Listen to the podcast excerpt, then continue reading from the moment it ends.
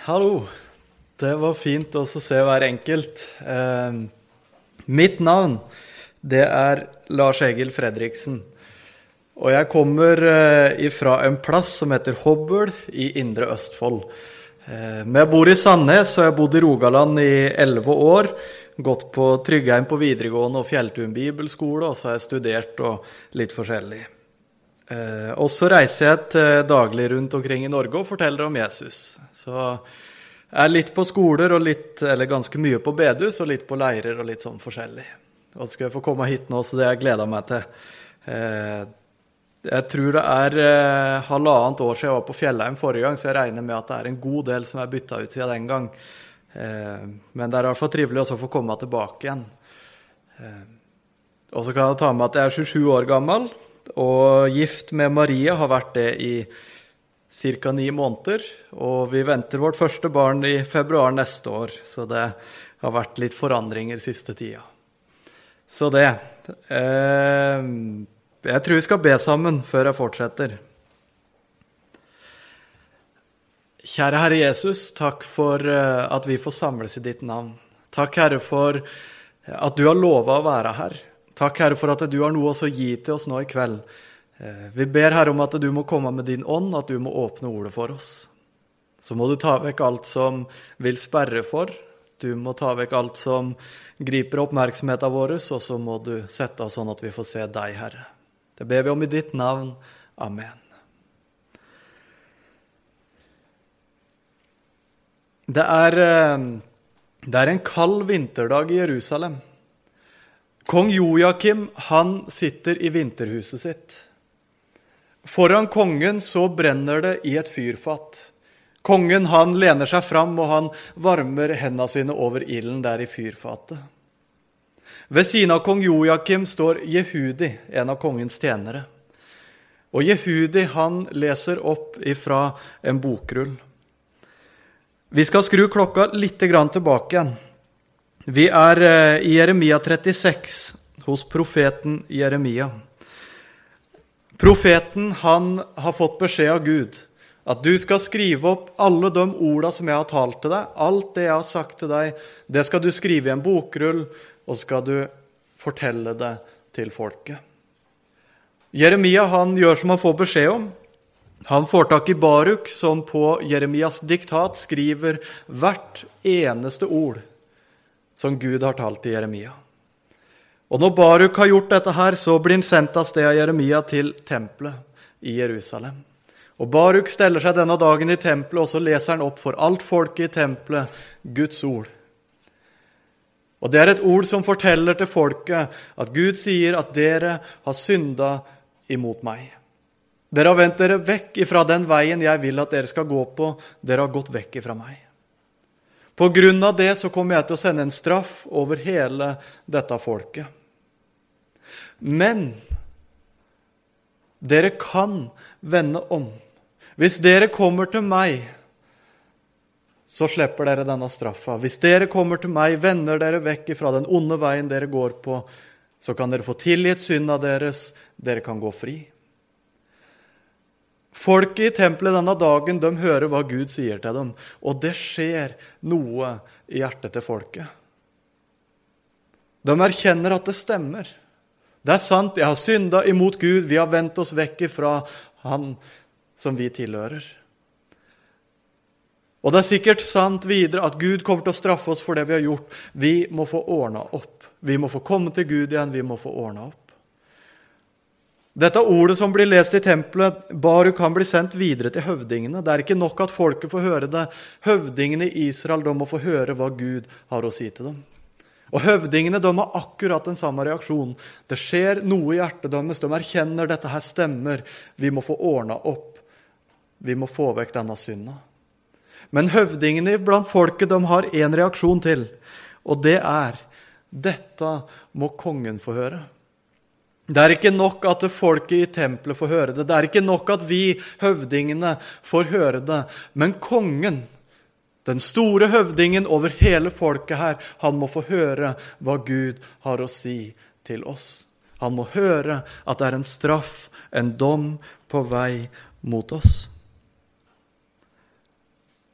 Vi er tilbake i vinterhuset hos kong Joakim. Flammene døm slår opp foran kongen. Han lener seg fram, han varmer seg over flammene der. Jehudi han leser opp blad for blad av denne bokrullen, av Guds ord for kongen.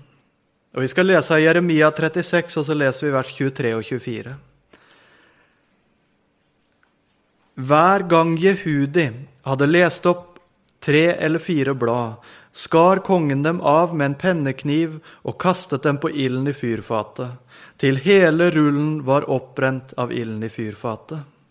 Og de var ikke forferda, og de flerret ikke klærne sine, verken kongen eller noen av hans tjenere, som hørte alle disse ordene.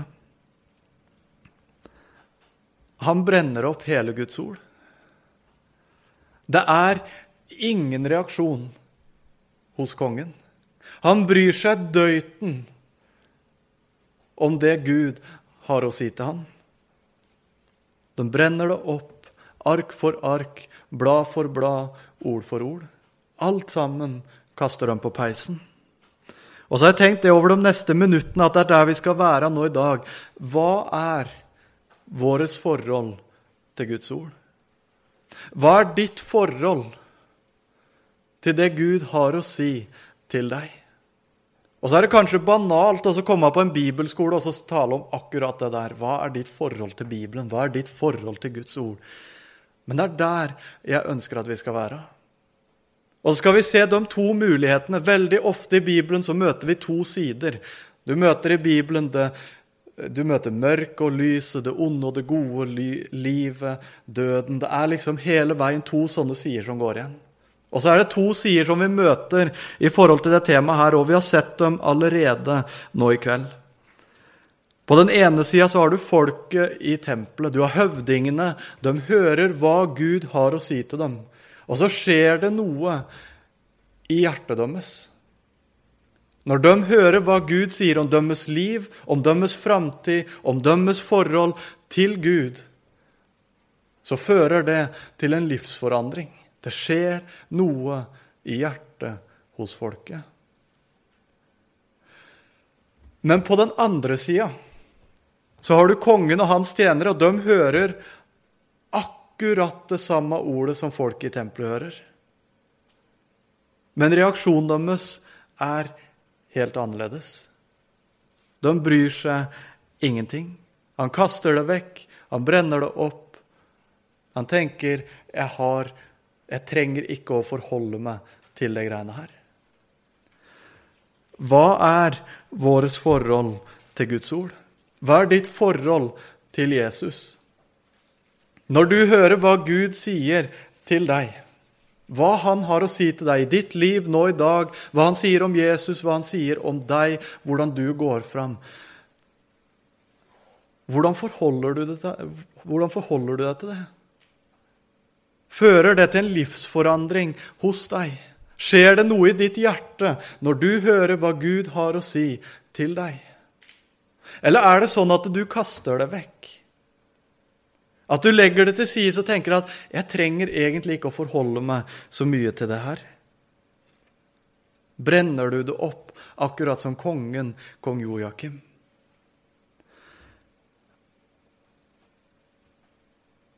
Det kan være jeg er helt på ville veier nå i kveld. Men kanskje du sitter her. Det kan hende du sitter her og lever livet ditt eller har en tanke i ditt liv om at du skal bestemme veien sjøl.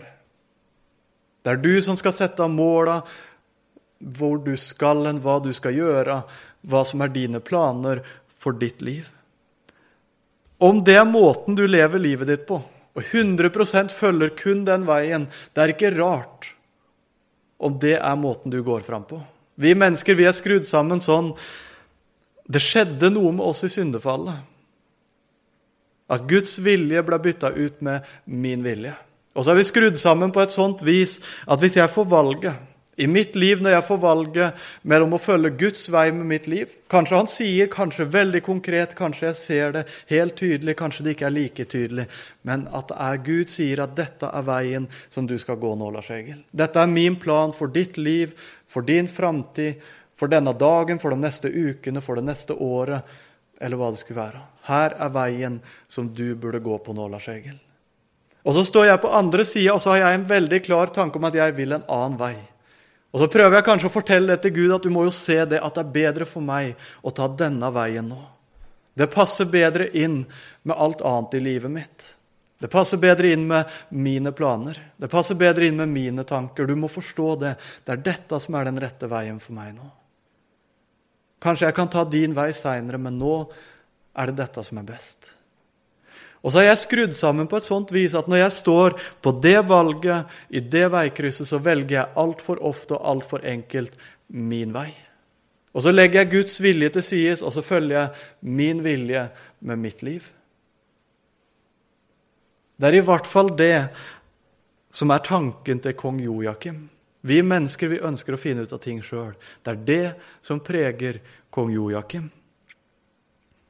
Han bryr seg ingenting om hva Gud har å si til han. Han bryr seg ingenting om hva Gud har å si om hans framtid, om hans liv, om hans synd,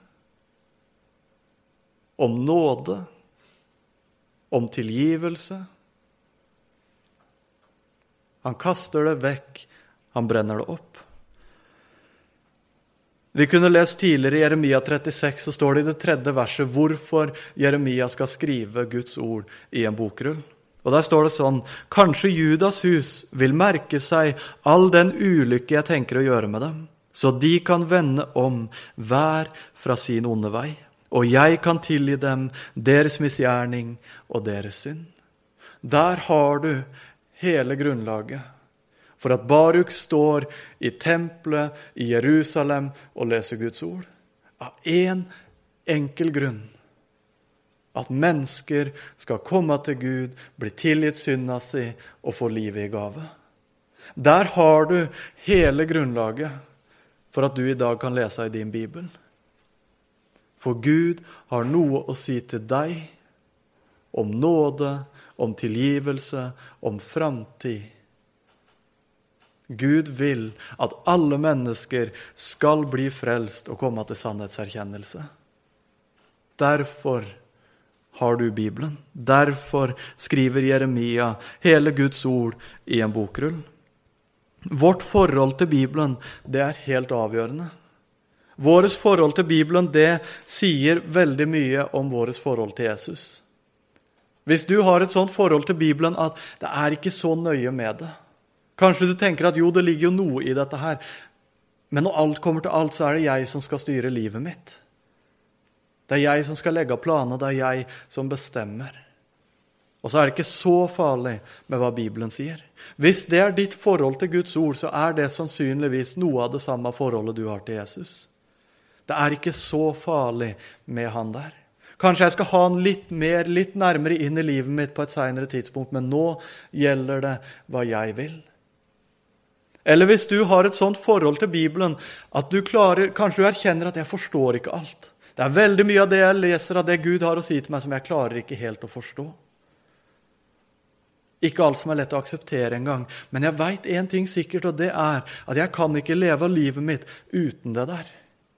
Jeg kan liksom ikke bare legge av det til sides og ikke bry meg noe mer. Jeg trenger det der i mitt liv så er det sannsynligvis noe av det samme forholdet som du har til Jesus. Igjen, det er kanskje ikke alltid like lett. Det er ikke sikkert at hver dag er like enkelt å følge Jesus og tenke at det er han som skal være den som styrer mitt liv. Men samtidig så veit du det, jeg klarer meg ikke uten. Jeg klarer bare ikke å legge Jesus vekk. Jeg klarer bare ikke å si til han at nå kan du stelle deg litt bak der, og så vil jeg leve livet mitt. Jeg trenger at du er her sammen med meg hver eneste dag. Kongen, han eh, Kong Joakim, han har brent opp bokrullen. Han tenker det, jeg kommer aldri til å se det der mer. Jeg er ferdig med det. Israels Gud kommer aldri til å høre om den igjen. Hva hans vilje er, kommer aldri til å trenge å forholde meg til det. Jeremia, ferdig med han. Ferdig med alt det som har med denne bokrullen å gjøre. Nå skal vi lese videre i Jeremia 36, og så leser vi vers 27 og 28. Etter at kongen hadde brent opp rullen med de ordene Baruk hadde skrevet etter Jeremias diktat, kom Herrens ord til Jeremia.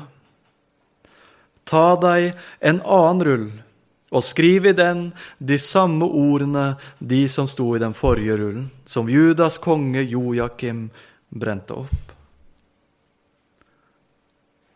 Guds ord er forkasta av kongen, av hans tjenere, blir forkasta av mennesker. Og så sier han, ta deg en ny rull og skriv i den akkurat de samme orda som sto i den første. Og så viser det seg sjøl om kongen brenner det opp og tenker at han kommer aldri til å se det igjen. Trenger aldri å forholde meg til det igjen. Jeg har kasta det vekk, det er over, det er ferdig.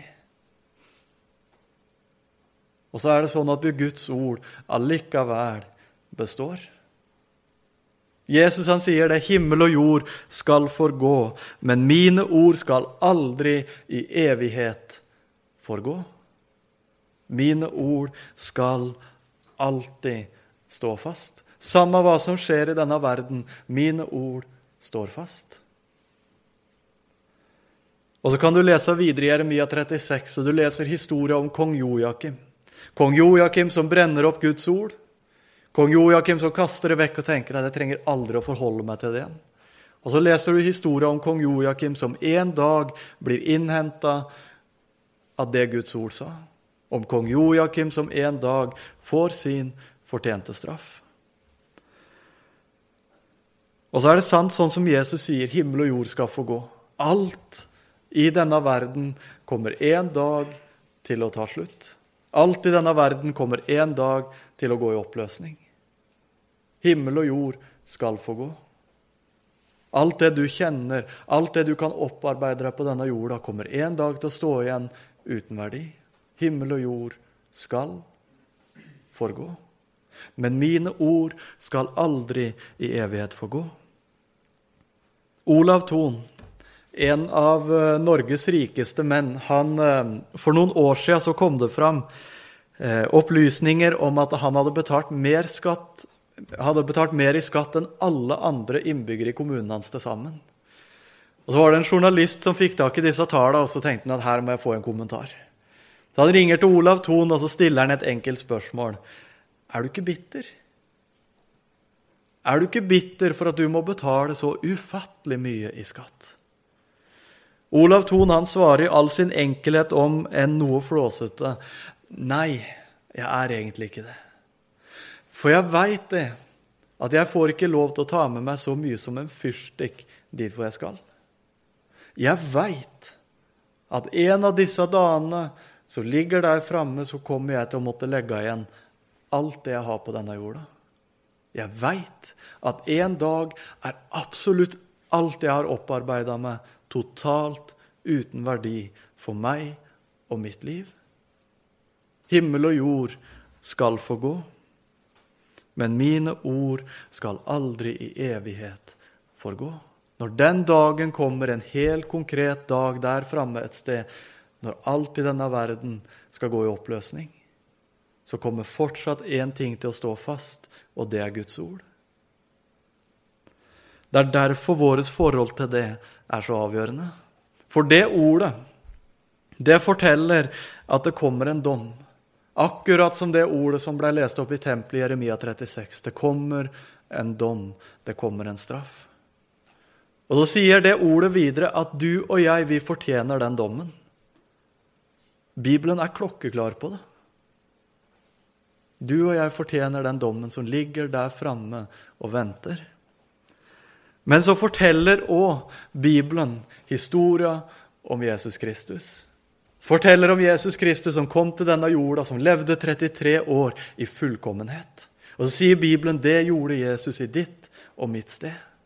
Og så forteller Bibelen videre at Jesus Kristus bar sitt kors opp på Golgata, ble nagla fast til det korset, døde på det korset, ropte ut 'Det er fullbrakt'. Og Så forteller Bibelen at på det korset så ble all verdens synd sona. Og så forteller Bibelen at det fins en redning ifra den dommen som du og jeg fortjener. Den redninga heter Jesus Kristus. Og hvor er det du møter han? Han møter du i Guds ord. Vårt forhold til det, vårt forhold til Jesus, det avgjør hvor du skal tilbringe evigheten din. Hvor du skal den dagen når alt annet går i oppløsning. Vi skal videre til eh, en kjent historie i Det nye testamentet. Vi skal til Matteus 7. Og eh, over de foregående kapitlene så har Jesus holdt sin bergpreken. Jesus har talt om livet, om det som er det aller, aller viktigste i livet vårt. Det som er av virkelig betydning. Og så avslutter Jesus bergpreka si i Matteus 7, og vi skal lese vers 24-27.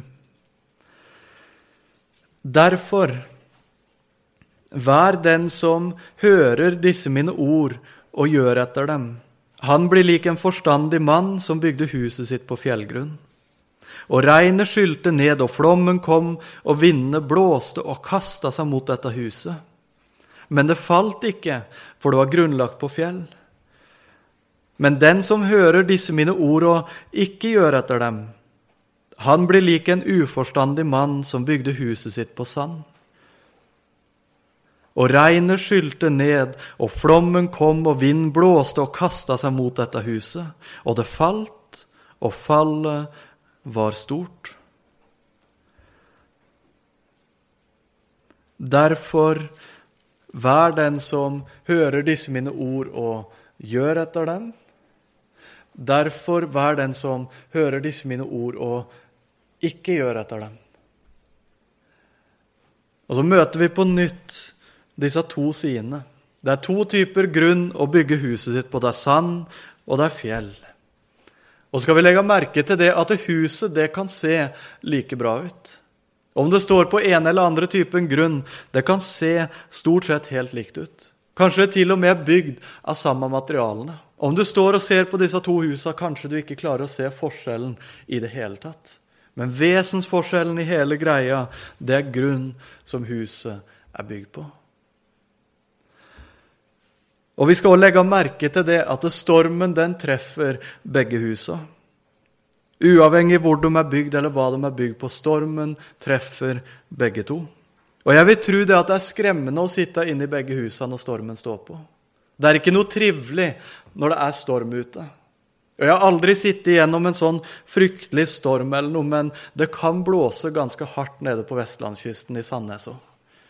Og blant annet i fjor, jeg tror det var i juleferien i fjor, så satt jeg i sofaen min hjemme, og så har vi ganske stort eller bredt vindu i stua.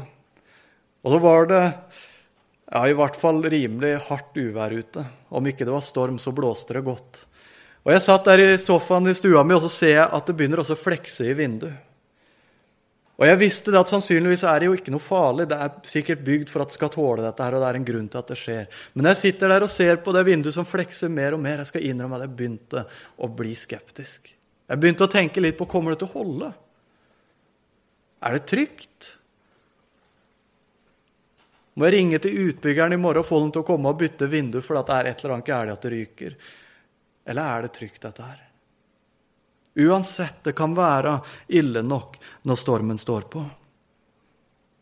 Merke kreftene som, som slår der ute, vind som slår imot vinduene. Det kan være ille. Men vi skal legge merke til det at det er utgangen av stormen som er så vidt forskjellig for disse to. Stormen den treffer huset som er bygd på sand. De sitter inne i huset sitt, de hører kreftene som herjer på utsida.